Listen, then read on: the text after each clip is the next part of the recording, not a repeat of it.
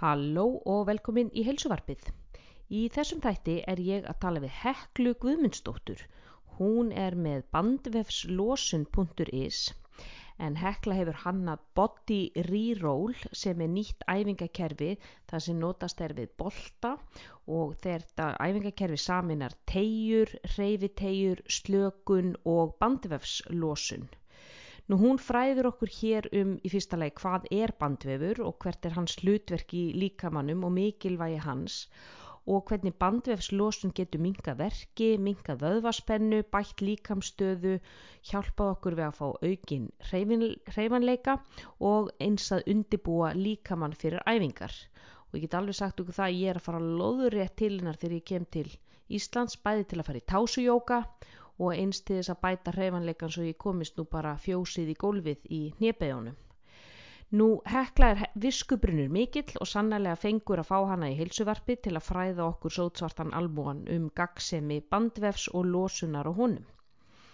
Þessi þáttur er sem fyrr í bóði ná á Íslandi og langar mér sérstaklega að benda á heilsupakka röggunagla sem að þið finnið inn á náfoods.is síðunni en hann inniheldur rauðrófuduft sem hefur verið sínt fram á að eigur nýtrið oxið í líkamannum og en það eigur hjá okkur þólið.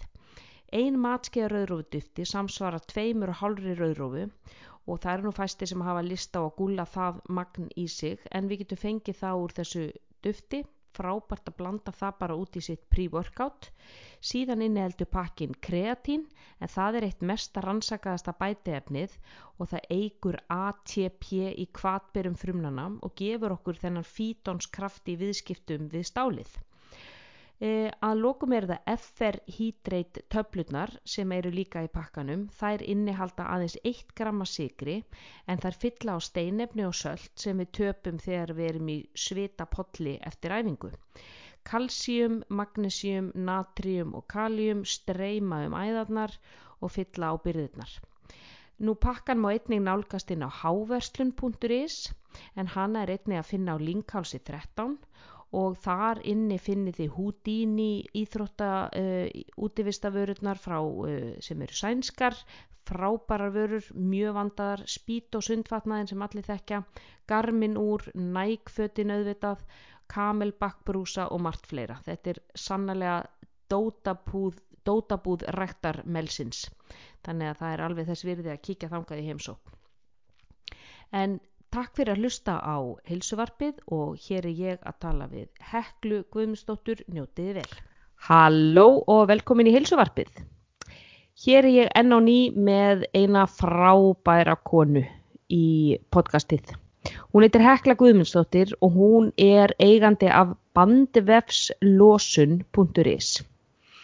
Nú Hekla hafði samband við mig í gegnum Instagram og hafði hlustað á podcastætti og vildi endilega hjálpa mér og uh, þannig ég fór nú svona að kíkja á hvað hún hafði upp á að bjóða og fannst þú náttúrulega sjúklega spennandi þannig ég bara böði henni í þáttin. Velkomin Hekla. Takk fyrir og takk fyrir að bjóða mér. Mér takk fyrir að gefa þið tíma fyrir mig. Heyrði, þú ert með bandvefslosun og segðu nú okkur sótsvertum almóanum, hvað er bandvefslosun? Kannski fyrst til að útskýra bandurslósinu þá þarf að útskýra hvað bandvefur er. Já, byrjum bara, einmitt, byrjum að byrjunni. Já, byrja aðeins, bara svona í stuttumáli. Mm -hmm. Bandvefur er tengivefur og bandvefur tengir okkur og tengir í rauninni allt saman í líkamann, tengir saman, bandvefurinn er utanum hvern einasta vöðvaþræð í líkamann. Já, það er og bara þannig. Vöðvaþræðinni saman og mynda vöðvaknippi og þá kemur meiri bandvefur utanum það og það eru svo margir sko sem að halda bandvefur sé bara í rauninni eist undir húðinni en bandvefur bæði stiður við og vermdar heldur okkur saman og þetta er í rauninni sko e, í rauninni þetta er tengivefur þetta er vermdar hjúpur þetta vermdar til dæmis öll líffærin okkar líka mm -hmm. þannig að, að hann, hann, er, hann er utan um líffærin líka bandvefurinn já það vissi ég ekki, ég held að maður væri bara utan um öðva nei, hann er nefnilega þetta er, þetta er svona þetta er algjör vermdahjúpur mm -hmm. og hann stjórnar hreyfingu og hann stoppar hreyfingu líka. Mm Og hann er svona, uh, ég sé hérna á heimasíðuninni að þú segir sko, hann er milliliður í flutningi á næringarefnum og Já.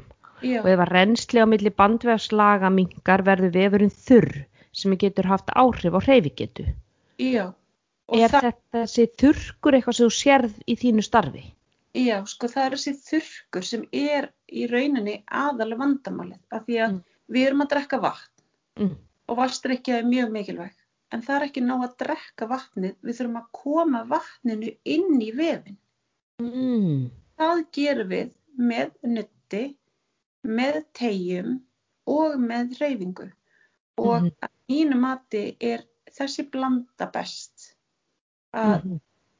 að tegja og að hreyfa sig. Til að koma í veg fyrir að hann þotni upp. Já, Mm Af hverju þotnar vefurinn upp? Hvað er það sem þurrkar hann? vegna þess að þegar við, bæði til dæmis þegar við hreyfum okkur, að þá eins og til dæmis ég hef rosalega mikið spáð í til dæmis afreks íþróttamennum og hugsa hvers vegna þeirra ferill uh, í rauninni endar svona sorglega snemma. Mm. Það er vegna þess að afreks íþróttamenn uh, gefa ekki líkamannum þessa kvild og eins og þú hefur talað mjög mikið um í þáttunum hjá þér að við erum náttúrulega að æfa en við þurfum líka að kvíla og við þurfum recovery og þetta er bara mjög stór hlutur í recovery hjá okkur banduslösum. Mm, já, algjörlega, algjörlega. Þannig Sko- við, að við þurfum að gefa okkur tíma til þess að nutta, æfa og svo að sofa sjálfsög. Svefnin er grunnurinn að öllu og það get ég alveg vottað hérna verandi hafandi tekið þryggja daga svona eh, skemmtigleði um helgina og þá var ég rækilega mynd á það að ég er að verða 42 ára gömul og líka minn sagði já, nei, nei, þetta, þú getur þetta ekki lengur. Þannig að maður eiginlega hættir að vera, sko, maður hættir að vera manneskja því maður hættir náttúrulega bara framheilin fyrir frí en það er líka bara skrokkurinn, sko. Að það er þetta svepp, sveppleysi sem fer með mann. Er það þá sveppleysi sem að fer til dæmis, þurka, getur það þurkað upp bandvef? Eh, sko, við þurfum náttúrulega bara kvíldina, þú veist, upp á alla enduníun. Þú veist, að því að þegar við sofum, að þá fer líka minn í svona enduníunar fasa. Mm -hmm. Ef að við sofum ekki, að þá hefur það náttúrulega líka bara slæm áhrif á bara eins og taugakerfið. Já, Við þurfum, þurfum á svefninum að halda bæði til að geta framkvæmt uh, þá hreyfingu sem við erum að stunda og líka þannig að bara líka minn fari í þetta í raun já, í þennan bara endur nýjunar fasa sem hann þarf. mm -hmm. Það er svo mikilvægt. En það sem að varðandi að því úr það tala um hennan þurrk, að þurrkurinn kemur uh, bæði uh, við hreyfingaleysi og hann kemur líka við off-hreyfingu. mm.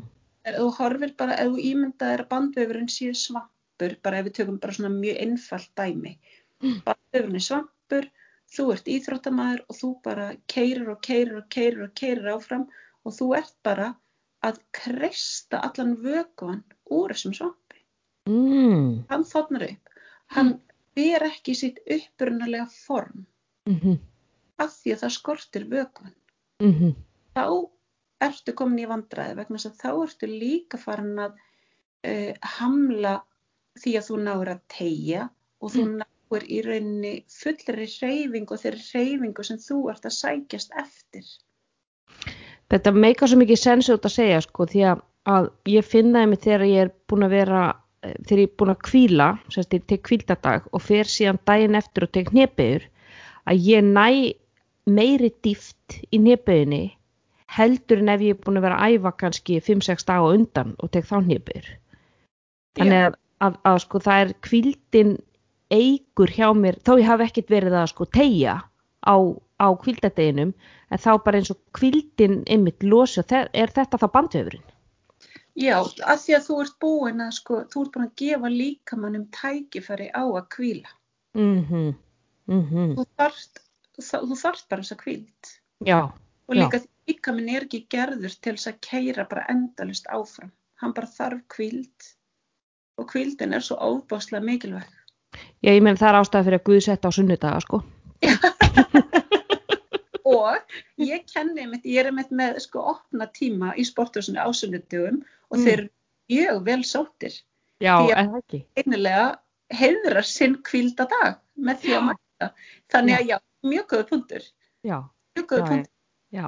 En, en þú, sko, svo er bandvefslosunin. Það er eitthvað sem við þurfum aktíft að gera sjálf. Og þetta er svona þessi þetta sjálfsnutt og við þekkjum náttúrulega öll þessar rúllur sem að liggja í, í ræktinni. Og, og, og sko ég á eina sem heitir Römbelróler já, sem að er fæst í Eirberg. Og hún er með svona göttum já, mér fannst ekki nóg að vera sko svona stjettirrúlu, mér fannst þess að ég væri bara að rúla mér bara okkur um klósettpappirshólk skilu, það, það gerðist einhvern veginn ekkert, en leiði ég fekk sko þessa gattarúlu, þá fór hún að fara svona inn á milli og, og þú veist að brjóta upp. Og það, það fannst mér virka, en, en fjanda kotni, þetta er viðbjóður, þetta er svo vond sko það er þess vegna sem ég er að nota boltana af því að þeir Mm.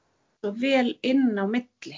Mm en svo er annað líka í þessu að fólk þarf að hlusta á líkamann. Þú verður að hlusta á hvað líkamann er að reyna að segja þér. Og ég agitera mjög fyrir því í mínum tímum og minni kjænslu að fólk gangi ekki lengra en það treysti sér í vegna þess að það er bara þannig að ef að fólk fer yfir strikið, bara eins og í öllum öðrum æfingum, að þá verður það svo þreytt á eftir, þá gengur Mm. það bara, já, sko, vefurinn er þannig, bandvefurinn er þannig að hann, sko, eins og þegar þú ert að tegja til dæmis, Mm. þú nærð bara í ákveðna tegju, þú -hmm. getur til dæmis ferði í splitt eða spíkat, eins og ég til dæmis, nú er ég ekkert neinn fimmleika manneskja, ef ég til dæmis ætla að fara bara hérna í splitt fyrir fram að því, þá myndi ég meiða mig Mm ég rífa aðeins bandvefin og hvað gerist þá? Þá fyrir bandvefurinn að gera við sig og þá segir hann op, op, op, hún fór yfir strikið, við ætlum ekki að láta þetta gerast aftur. Nú byggjum við bara meira, meira kollagen, meiri trefir, nú byggjum við bara sterkara net svo hún slasi sig ekki aftur. Og hvað gerist þá? Ég reyni aftur að fara í, kannski reyni ekki aftur splittaði spíkata því það gekk vel, en ég reyni það gengur ekki eins vel og þá þarf ég að fara að vinna og losa. -hmm. og það er sko það þess vegna er þessi skinnsemi svo góð.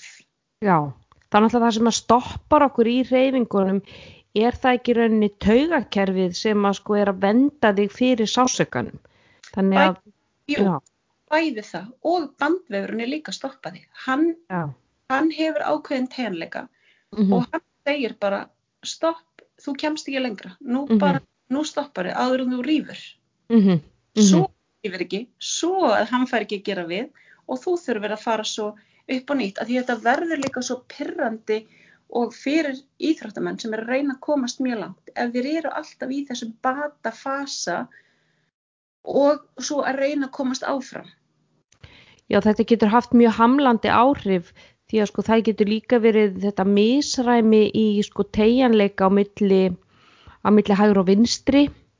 Já, og sérstaklega út með mjög dóminerandi fót sem að tekur meira álag sem að veist, við flest erum eða dóminerandi hönd að þá er reyfifærnin öðrum megin miklu minni heldur en hinum en það getur verið að hamla manni í alls konar reyfingum og, og veist, eins og néböginni og svona það sem að, að maður er að reyna að komast alltaf dýbra og dýbra en það er eitthvað sem stoppar og, og hvernig á maður að vinna á því þú, þú ert með þessa bandvefs losun og þú eins og nefndir á hann, þú ert með, með boltana þannig ef að ég kem í tíma til þín hvað er ég að fara að gera? Hvað er það að fara að gera við mig? þá er ég fyrst að fara að skoða einmitt heildar myndina, ég er að fara að skoða hvað stoppar þig Mm. hvað er það sem er að stoppa þú veist, ertu í vinstra megin uh, hvaðan kemur þessi stífni hún kemur jafnvel kannski bara úr lærinu eða uh, sóa sinnaður hvernig er Mhm. hann er hann komin í styttingu, hefur hann áhrif á bakið Mm -hmm. Veist, og það skiptir svo miklu máli í bandislósun að skoða heildamyndina skiptir svo Mhm. miklu máli skoða alla heldina hjá viðkomandi. Mm. Þetta er ég rosalega mikið að gera eins og í engatímum, það sé ég með fólk í engatímum og þá er ég að skoða hvað er það sem að hérna er að hamla uh, hjá viðkomandi. Mm. Og þú ert með þessa, þú ert búin að þjál, þjó, þróa æfingakerfi Já, sjálf því að Já. sko þú ert uh, lærð uh, fómflex kennari já, ég byrjaði, byrjaði þar. Og Byrja- það er, já, það, hvað er fómflex og hver er munurinn á því og bandvöslósun? Sko, eh, ég byrjaði sem sé, ég kláraði fyrst fómflagskennaranámið, svo langaði mig að læra meira og þá fór ég í engaþjálfaraskólan. Mm. Ég er ekki þessi típiski engaþjálfari. Ég myndi aldrei standa á og segja, Ragga, þú eru að lifta hérna þingri lög, það er hlaupa ræður eða það er ekki, það er bara er ekki, ég Það er er ekki, ekki þínu genamengi að gera svo leiðis. Er ekki í mínu genamengi, þetta var mjög vel orðað hér. Mm síðan fór ég sem sé til Stockholms og lærði The Role Model Method og hérna og svo bara langaði maður að setja upp sem sé mitt eigið prógram Mm. og hérna vildi blanda þessu saman bæði tegjunum og nuttinu og setti upp hérna body reroll. Body reroll, það er þetta nýja æfingakerfi sem að þú sem sagt, setur saman, þú átt það bara. Ég á það, já, ég á Mm. það saman og er byrjuð kennaranámskeið í því sem gengur mjög vel. Já, þannig að það fólk getur lært hjá þér og, og orðið svona body reroll kennari. Já, og það, gengur, Mm. það gengur mjög vel. Ég er búin að vera með tvö núna Mm. og bara þeir sem ég hef útskrifað á staði sér mjög vel. Ó, en geggjað. Þannig að þetta er kerfi sem að saminar tegjur, slökun, reyfitegjur, djúptegjur og svo bandvefslósun. Já, Mm. Og þannig að, að þú kemur og þú skoðar mig og sérð, ok, getur verið að þessi sóa sinn eða getur verið að hún sé með, þú veist, eitthvað, ég til dæmis stífari vinstra megin, af hverju er það, geti það verið vegna að ég tábrotnaði á, vinstri fættan, ég beiti mér öðruvísi og Alveg. hvað hva, hva gerum við svo? Svo förum við bara í að setja upp bara kerfi fyrir þig til þess að hjálpa þér bara að bæði þannig að þú náir betri árangri og náttúrulega fyrst og fremst þannig að þér líði betur. Mm. Þannig að þú sofir betur og þér líði bara betur í, í eigin líkama. Það er svona mitt, mín einhverna orð, bara láttu þér líða betur í eigin líkama og ég setti, ef þú skoður logoið á Body Reroll, að þá sérðu að það eru svona teningar inn í ringnum Mm. Mm. og þú sérð að sko inn í þessi teningar takna í rauninni að þú líkaminn þinn hann á annað tækifæri inni. Ah, þú getur alltaf að kasta teningunum aftur. Þú ferð að kasta teningunum aftur, þú átt annað tækifæri inni. Já, Og ég elska líka við þetta er að það geta allir stunda þetta. Það skiptir engum máli hvort þú ert íþróttamæður, hvort þú ert með stöðkjörusvanda eða í rauninni bara, eða hvaða aldrei þú ert, hvort þú ert hérna 15 ára, ert í fimmleikum, Mhm. eða eh, hvort að þú ert 80 og elsti viðskiptavinnur minn er 87. nei, Jú. Og sko, og þar getur vandamálið verið kannski að viðskiptavinninum er kallt, e, það vantar meira blóðflæð, mm. það vantar Mhm. örfa slökun, það vantar e, að ná sér niður fyrir svefn. Það er mjög, það er ekkert frekar með, með sko yngra heldur en eldra til dæmis að, að ná sér niður. Ég meina, við erum alla að horfa sjónvarpið og við erum alla að Mm. hanga á samfélagsmiðlum. Já, já, já. Það er eitthvað allra, allra versta sem maður gerir fyrir svefnin, það er að hanga á, á í símanum rétt fyrir svefnin, því að bláa byrtan örvar sko sjóntaugina og, og þá senkar það framleiðslu á melatónin.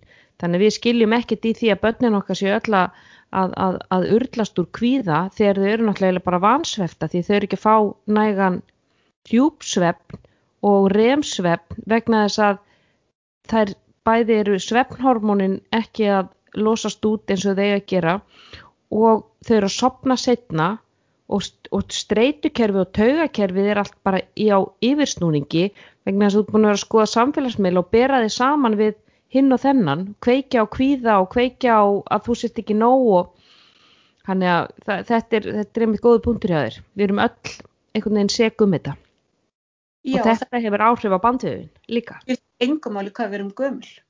Nei, Þannig að 15 eða 87. skiptir ekki máli. Nei. Og þetta body reroll, þú segir það að þetta hjálpar til við að draga úr verkjum, minga vöðvaspennu, auka þessa hreyfifærni og hreyfanleika og liðleika. Þannig alltaf mismunandi hvað, hvað markmið fólk kemur til þín með. Þannig að til dæmis íþróttamæri, við tökum bara mig sem dæmi, svona 42 ára svona hobby, hobby konu í, í ræktinni, kannski svona aðeins, aðeins ofar en hobby konu, en ég myndi vilja auka hjá mér hreyfifærni, ég vil komast dýbra í hnepi, ég vil komast dýbra í, í, í, í hérna, deadliftinu, uh, ég finna að það er, er aðeins misræma milli hægri og vinstri, skoðar þú sko orsökina, þú veist, ferðu eitthvað svona í hvernig er það beita þér í daglegu lífi eða þú veist, ertu að sitja mikið, ertu svona að hjálpa fólki með að breyta svona sínum daglegu venjum?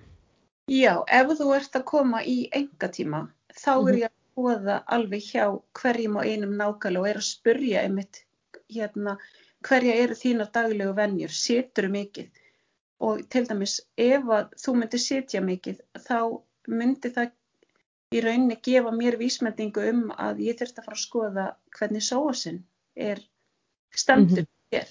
Mm -hmm. hérna, og hvaða áhrif hann hefur. Og ég vil taka það alveg sérstaklega fram hérna vegna þess að þetta skiptir alveg gríðarlegu máli að ef að fólk er að losa sóas sjálft Mm. að verður það að vita hvað það er að gera. Vegna þess að Ah, er, ég með þetta er rosalega mikilvægur vöðvi hann tengir saman efri hluta líkamanns við þann neðri. Hann getur haft mjög mikil áhrif á e, ba bara líkamstöðuna getur haft áhrif á verki í baki en það skiptir gríðalegu máli hvernig við losum hann. Og við megum ekki bara bóra boltum leggjast á rúlluna uh, ég hef heyrt fólk uh, leggjast ofan á ketilbjöllur. Nei, jú, það skiptir máli að þú gerir þetta rétt og þú fáir leiðsögn vegna þess að það eru sko stórar æðar hérna undir, þetta er mm -hmm. við kviðarhól það má alls ekki rjúka í að losa sóas nema að fá uh, góða kennslu í því og fyrir þá sem ekki vita hvar sóas er að þá er þetta litli vöðvin sem að liggur framan á mjöðminni og tengir í rauninni læri upp við kviðvöða. Þetta er pínu lítill, hann er, hann er náttúrulega pínu lítill en gríðarlega mikilvægur. Og hann er náttúrulega allt og stuttur hjá flestum því að við erum náttúrulega með hamstringin of langan því að við setjum við hérna okkur um kontór allan daginn. Þannig að sóasinn er stuttur og hamin og glútin er, er aftan á lærinu að, og þeir eru langir og það verður nefnir þetta misræmi. Og Já. þú sér það örglega hjá þér að, að sóasinn er maður sér sko fólk er að taka sófategina Já, leggur lærið upp við, við sófa og reynir að tegja framan á. Og svo er þessar rúllur og ég á einmitt svona bolta, ég á svona gattabolta líka. Og hann Já. heitir, hann heitir The Beastie.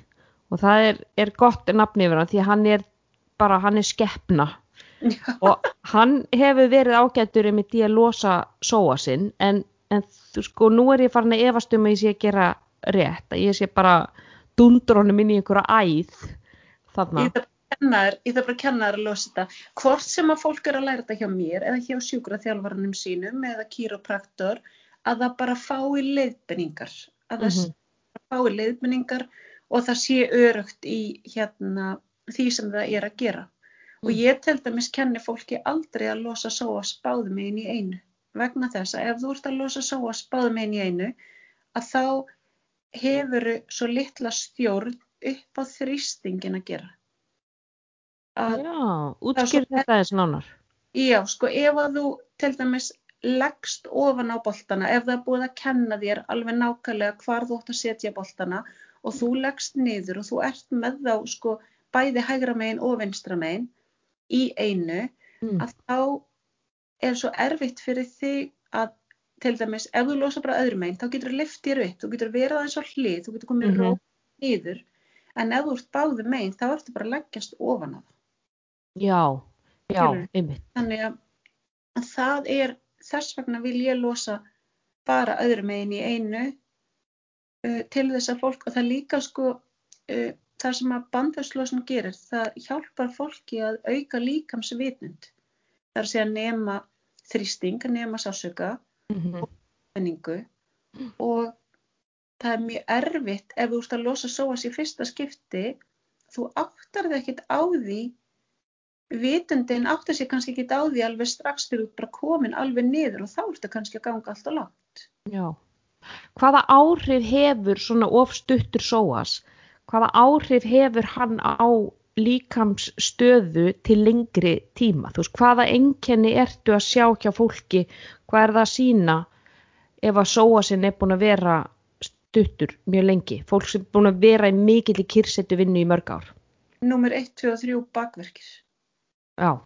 bara, bara hann tengist upp í neðstu hryggjarliðina og það eru bara, ég sé bara bakverki og ef við tölum aðeins um bakverki þá eru bakverkir eitthvað sem að er bara eh, 90% síðustu rannsók sílas þá eru 90% af öllum bakverkjum þeir eru komnir annar staðar frá heldur en úr bakinu. Mm. eru bakverkir til dæmis eins og eða út með útbungan, eða út með brjósklós það kemur úr bakinu en þú getur fengið verki í bakið út af só, stífum sóas, út af stífni framverðin læri, aftaverðin læri rassvöðvum, efrabaki það er svo margt annað sem getur komið til og valdið bakverkjum. Og ég hef til dæmis séð hjá íþróttafólki afreiksfólki íþróttum, ég er með nokkra sem eru í fimmleikum bara mjög ungt, ungt fólk. Og þau hafa til dæmis fundið fyrir létti í bakinu, voru komin með bakverki en hafa fundið létti eftir að þau fóru að stunda þessar æfingar hjá mér. Mm Það er náttúrulega líka annað sem að maður sér það er ef að rassveðarnir eru veikir að þá fer bakið að taka álægið og þú fer að beita þig þannig að, að sko þú stingur ekki rassinum út og lætur hann ekki vinna vinnuna heldur er þetta tekið meir upp í mjóbaki og mjóbaki er rúnað og, og þannig að þessar daglegur reyfingar fara að verða svo mikið álæg á bakið. Já, algjörlega. Mm -hmm, En þú nefnilega talar um á heimasíðinu að þú lendir sjálf í slisi fyrir hvað, 14 árum síðan sem að bara kýldiði út af vinnumarkaði og alles. Já, ég sem sé að lendi í, ég lendi eiginlega í þremasleysum. Það er svo leiðis. Já, ég lendi í, sko, fyrsta sleysina mínu lendi ég í 2003 og það var í rauninni, sko, uh, fæðing sem gekk illa, bara í mjög stuttumáli. Mm. Uh, Slys nummer tvö er uh, 2005, þá velti ég bíl, Já. þá fekk ég mjög mikið högg á mjöðmina Mm. og svo er kert aftan á mig, uh, hvað, fjórum árum síðar Mm. og þá fekk ég brjósklós útbungun í hálsin. Fegstu þá svona viplas þegar það var Já. keft? Já. Já. Ég var með höfuðið, ég snýri alveg aftur, ég var að aðtjóða hvort það væri að koma bíl. Ég var að fara út á hérna miklubreytina og Mm var með höfuðið í mjög svona strektri stöðu þegar það er kert aftan á mig. mm. Og ég er bara í stuttum máli bara reyni að gera allt sem ég get og hérna flutti mér að segja út til spánar í ár og það var frábært að vera í hitanum og fólk með stóðgerðsverki veit það að það er gott að vera í hita en við þurfum samt, svo komið til Íslands, við þurfum samt að vinna, við þurfum að vinna í orsökinni.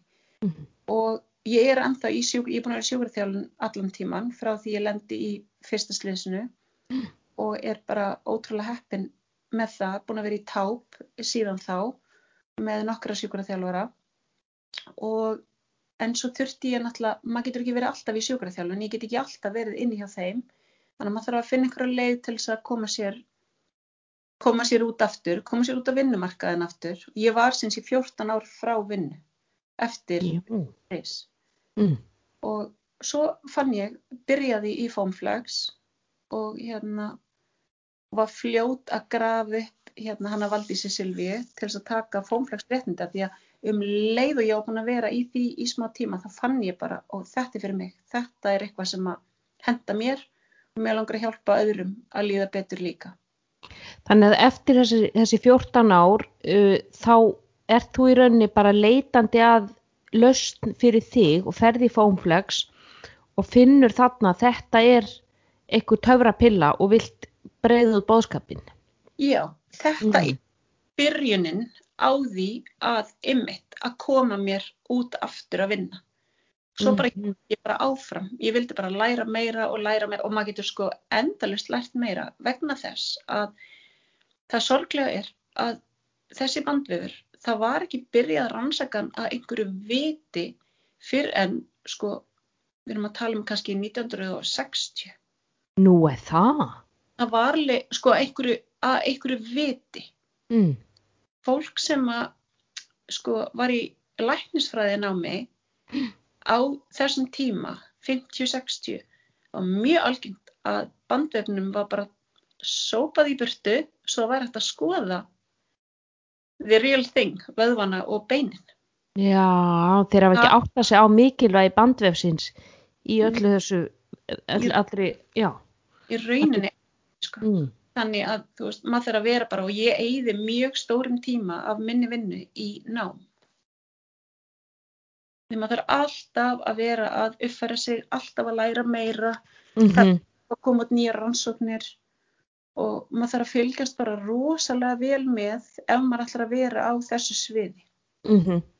Þannig að það er alveg þetta er, þetta er, þetta er eiginlega svona grein sem er alveg í stöðuri þróun Já algjör. Sko, þú talar hérna um að bandveðslosun uh, hjálpar fólki við að ná betri stjórn á streitu. Já. Er þetta sko, nú er ég velta fyrir mig hvort þetta sé sko, þú veist, áhrifin á miðtöðakerfi, þessi, þessi djúpa slökun sem að fólk nær í þessum tímum, um, hvort að það sé, sko, hún sé að spila stóra rullu í að keira niður streituhormonin, keira niður kortisólið, adrenalínið eða hvað er það sem að hver eru áhrifin af bandvefstlósun á streitustíði líkamannum? Já, á, málið er að þess vegna er ég svo mikið að byggja fólk að hlusta á líkamann sinn vegna þess að ef að þú ert að keira sásugaþrefi, ég tala alltaf um að reyna að segja á því er sásugaþrefið ef við mælum það millir 0 og 10 er það í 5, er það í 7 ertu komin upp í 10 ef þú ert í svona tíma og þjálfun hjá mér og ert að keira sásökan alveg upp fyrir 8 þá átt í rauninni svo erfitt með að slaka á. Og þá ertu í rauninni ekki að vinna í slökun og mitt kerfi gengur út á að þú vinnir í slökun þannig að þú náir að róa niður tauga, þú sérst ekki alltaf í fight or flight mode. Já, að því að maður fer sko, ég get alveg sagt þetta að maður fer í fight or flight mode við að leggjast á þess að römbelróler sko. Æ, trúið því alveg. Já, þetta er að þú þarft alveg sko að grafa eftir sko þínum innra viking til þess að það eru svona, það koma hljóðstundu segi maðurinn minn, það er svona að sé belja út á túnni að fæða kálf þegar þú ert á þessari rullu. Því að þetta eru svona einhver hljóð sem að koma einhvers það bara úr yðrum líkamanns en, en sko þessi, þessi slökun kannski hvernig, hvernig vinnur þú með hana? Því að þetta segir sko það, þetta er sko þetta er viðbjóðslega vond að fara á þessar rullur og reyna að losa upp og maður finnur það að maður er auðmur en hvað er slökunarfaktorinn í, í, í sko þínu? Já, sko faktorinn er þannig, ég vinn þannig að ég byrja á æfingum sem að örfa í rauninni eða senda búið til heilans um að vöðva þráðurinn og vöðvarnir eigi að slaka á. Þannig ég byrja ekki, ég segi ekki, góðan daginn, já já, nú ætlum við bara að, og svo eittir og gó, þú veist. Hamast bara á rúlunni, takk fyrr. Þetta er ekki, þetta er ekki hérna sprettleip að ég byrja bara mjög rólega og ég byrja alltaf undir iljónum. Og svo færi ég, já það er mjög mismunandi, stundum færi ég mig upp, stundum færi ég vissa, vissa hérna uh, vöðva hópa. En það sem skiptir svo miklu máli í þessu, það skiptir svo miklu máli að þetta sé gert mjög rólega, mjög hægt og að fólk sé ekki að fara yfir streikið, að það sé ekki að fara í þetta flight or fight mode, það er allt annað. Það er, þá erum við komin bara í aðra vinnu. Og, og við getum alveg farið í þá vinnu en við erum ekki í, því, í þessum sko tímum. Í þessum tímum erum við að örfa slökun og Mhm. vinna í ró. Og það eru, ég ger þetta á þann hátt, bæði náttúrulega með því að fá fólk til að hlusta á sín einn líkama, en líka ger ég þetta með því að sko uh, fá það til að fara mjög hægt og mjög rólega og byrja á æfingum sem að eru þannig, uh, þannig ég reyna mjög erfitt að útskýra það svona í, í spjalli, Mm. en æfingarnir eru þannig að það hjálpar þér að slaka á og þá nærðu dýbra án þess að keira sársökan upp. Já. Mm -hmm. Þú ert að vinna alltaf undir sásökumörkum. Já, Mm -hmm. Mm -hmm. með því að gera þetta, með því að fara fyrst í að senda skilabóð um að vöðvin eigi að slaka og Mm. svo getur þú haldið áfram. Ég get svona ímynda mér að eftir þessa tíma að það, þetta sé svona svipað eins og þegar þú ferð í nutt.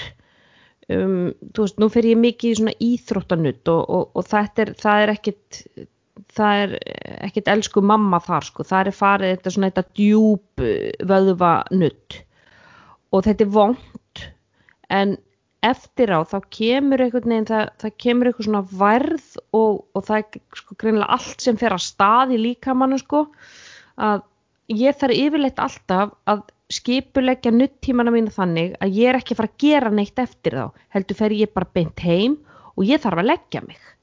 Vegna þess að það er bara eins og það, það sko líka minn verður einhvern veginn það, það er já, ég kann ekki, kann ekki að útskýra þannig ég er svona að velta fyrir mig hvort það sé sama sem gerist eftir tímana hjá þér að fólk beinlinni sko finnur þess að djúpu slökun og jafnvel fyrir heim og leggur sig vegna þess að það kemur þessi mikla þreita ég fyndi þetta líka eftir kýrópraktorstíma Já, að, að e- er og það sé kannski líka að vinna svolítið á streituna, þú sérst ekki alltaf þú, það kemur þetta verður þetta yin og yang þú er búin að vera að keira þig upp í einhverjum crossfit tíma í morgun og svo fer í, í nuttið og það er vond sko en, en það gerist eitthvað það, í líkamannum sem að keiri þig niður og, og hann bara kallar á bara lögn og, og, og keiri streitust í niður.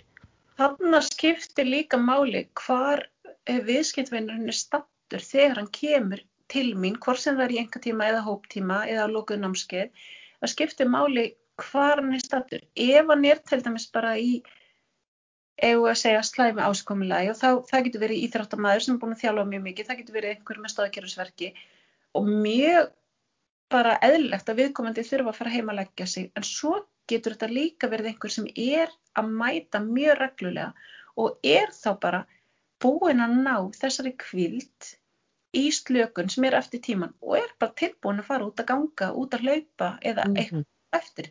Að þetta eru mjög góða ræfingar bæði fyrir þjálfun og í rauninni eftir. Þetta er bæði undibúningur fyrir hreyfingu og þetta er góð endurheimt.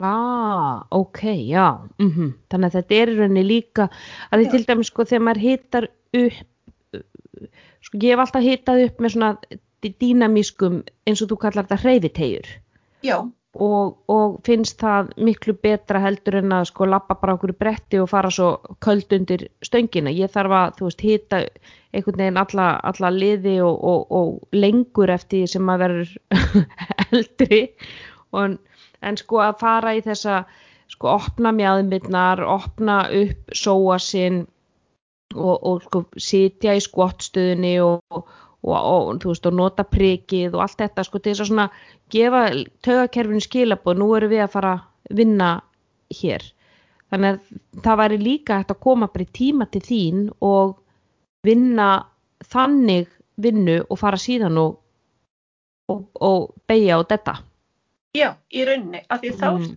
auka sko vökvamagnið, þá er meiri líkur að þú náir að hreyfa þig betur, þú ert með meiri leiðilega og það er minni hætt á meðslu. mhm, Þannig að þú gætir hitað mjög vel upp líkamann með því að fara og nutta þig vel og Mhm. fara og að reyfa þig. já, já, já. Eitt sem að mér langa að, að ræða við því, það er hérna, þú hafði samband við mig á Instagram og hafði hlusta á podcast þar sem ég er alltaf að tala um þess að blessuðu tær mínar. Já. Og- þær eru bara, þessi tær mínar eru bara auðmingjar. Þær eru, þær, ég nota þær bara, ég þarf að styrkja tærnar og, og maður finnur það, ég, ég held að maður finni það bara með aldrin, maður er búin að vera í skóm í 40 ár og tærnar er einhvern veginn ekkert að fá að vinna alminlega og það er komið tábergsig og, og ég tábrotnaði einu sinni en ég beiti mér öðruvísi á þeir, þeim fæti og, og þannig að sko hvað getur maður gert fyrir þessa blessuðu tásur því að þar byrja náttúrulega krafturinn Og æfingarnar byrja ymmið þar og fólk hlægir alveg mjög mikið í tímum ef að það koma margi nýr í tíma og svo er ég með þessar tásuæfingar. mm -hmm. Þá stundum springur fólk úr hlátri og mér finnst það svo dásanlegt að því að það er svo eðlilegt. Fólk er alltaf að hugsa um stóru vöðvana. Það er einhvern veginn ekki að einblina á fingur og tær. Mhm. En- Sannleikurinn er bara sá að ef við virkjum ekki vefin og vöðvana í tánum að þá með aldrinum fara tærnar bara að aflagast og þær fara að náttúrulega eins og þú talar um að við, við erum í skóm meir hluta dags og þær bara festast saman og þær fara að bara aflagast, þær fara fara yfir hvora aðra, þær fara að brettast upp og hvað gerst þá? Þær fara að rekast í skóna og við fáum sár það er sko risa markaður til dæmis í bandaríkjanum fyrir alls konar plástra og hólka til að verja svona tær Mhm. en ég segi bara, við vinnum miklu frekar á þessum tám heldur en að láta þær verða svona Mhm. við þurfum að virkja tærnar og ég geri það til dæmis á boltonum að þá er ég að láta fólk gera alls konar æfingar eh, bæði undir iljónum og á tánum Mm. Tegja tærnar og þá er einmitt mjög mikilvægt aðeins að reyna að virkja þær fyrst, nutta tærnar og það er þetta að nutta sko vefin bæði undir tánum og ofan á tánum. Mm. Nutta sko ofan á ristunum og undir iljónum. Mhm.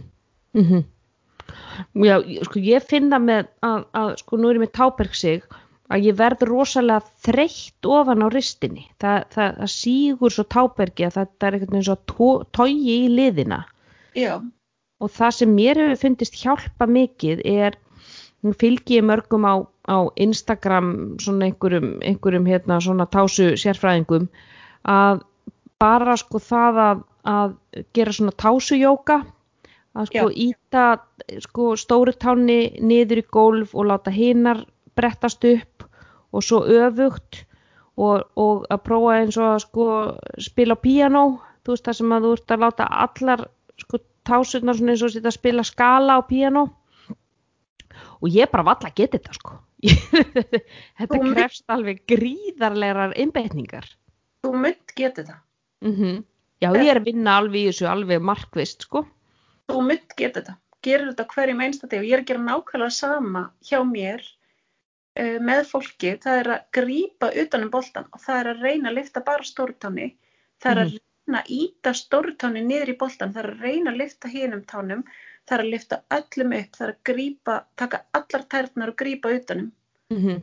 og svo er það að nutta ofan á og svo er það að nutta tábergið það er að nutta illjarnar og svo er það stundum segið þeim að lifta stórtanni og reyna svo að lifta næstu, næstu, næstu, næstu og reyna að halda litlu niðri og það þarf rosalega einbetting og svo er náttúrulega tögkerfi svo virt að stundum vilja tærnar á gagstæðum fætir heifast eða jafnvel fingurnir fara að já hreyfa. er það? Gerist ekkert.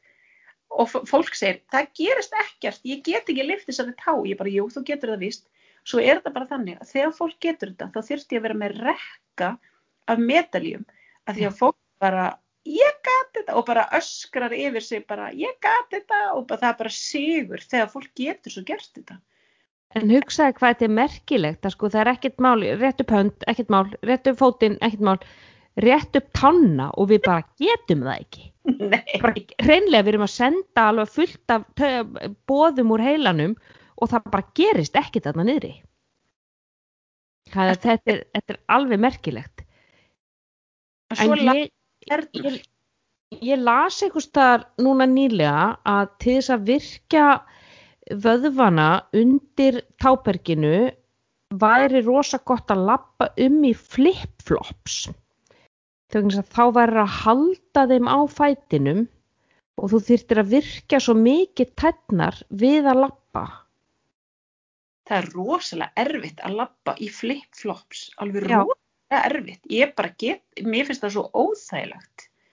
Ég er að velta fyrir mig alltaf að sé erfitt vegna þess að við erum að nota vöðva sem að þegar við erum í skóm þurfum ekki að nota.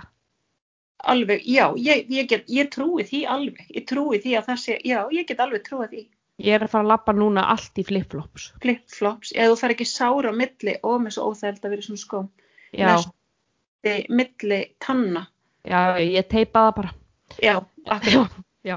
En En það er, en, en hérna, með þessum æfingum, það sléttir úr þeim, það er hægt að vera svona kreftar upp og þetta, og manni líður bara betur í tánum. þú ert með nefnilega þessa bolta sem að, sem að þú notar. Nú er hægt að kaupa þessa bolta bara, fólk getur kefta bara út í búð og átt á heima. já, ég er að selja og þeir eru bæði, þeir eru í fjárðakaup og þeir eru í heimkaup, þeir eru á hérna hjá kýrópraktornum hérna í Lindum, Kýró Lindum, hann er að Mhm. selja, þeir strákunir eru að selja boltana mína líka, Mm Og- Rósnirti og Nuttstofan, þeir eru að selja líka og Mhm. svo er það hjá mér í vefverslun. Og þetta er mismunandi stærðir af boltum, þetta eru nokkra stærðir, eða ekki? Jú, þetta er sko, ég er að selja sem sé, e, sé kalla miðstar, það er svona minni boltar, notar þá til þess að axlir, notar þá á bakið e, og hnén líka mjög góð í kringum hnén og svo er ég að að stóru og stóru boltarnir eru æðislegir eins og til dæmis eða þú ert að nutta upp og niður eins og bara værir í raun að nutta eins og framvert læri, bara Mhm. þær og nuttrúli. Nema á að þrýsta sko öðruvísi að þetta er ekki flatt. mm og hérna og svo getur það líka til dæmis eins og ef þú ert að nutta til dæmis ítjibandið mm og það er ástæði fyrir því að það öskra allir í rektinni þegar nutta ítjibandið Það er- er ógeð. já það er ekkert skrítið að það sé vond vegna þess að ítjibandið er djúpu vefur hann Mhm. er til gerður að sko hjálpa okkur að standa við myndum ekki standa upprétt ef við værum ekki með ítjibandið en við getum losa ítjibandið á alls konar máta Við getum til dæmis verið með þess að tvo stóri bolta og tósa það eins í bandi, þá kemur meira bíl á milli, þá eru ekki að nýðast akkurat á sininni, heldur komið Mm. Eitt hverju megin. Svo getum við líka hjálpað etjibandinu eins og til dæmis bara með því að vinna, uh, ég kenni fólki að vinna, uh, þá er ég raunin að fara í sitt hverja áttina frá etjibandinu, en ég er ekki beint að nýðast sko á sjálfri sininni. Já, það er sínin. Ítjabandi fyrir þá sem ekki vita er, er þessi, sko, þessi sín sem að tengir framanlæri við aftanlæri í rauninni.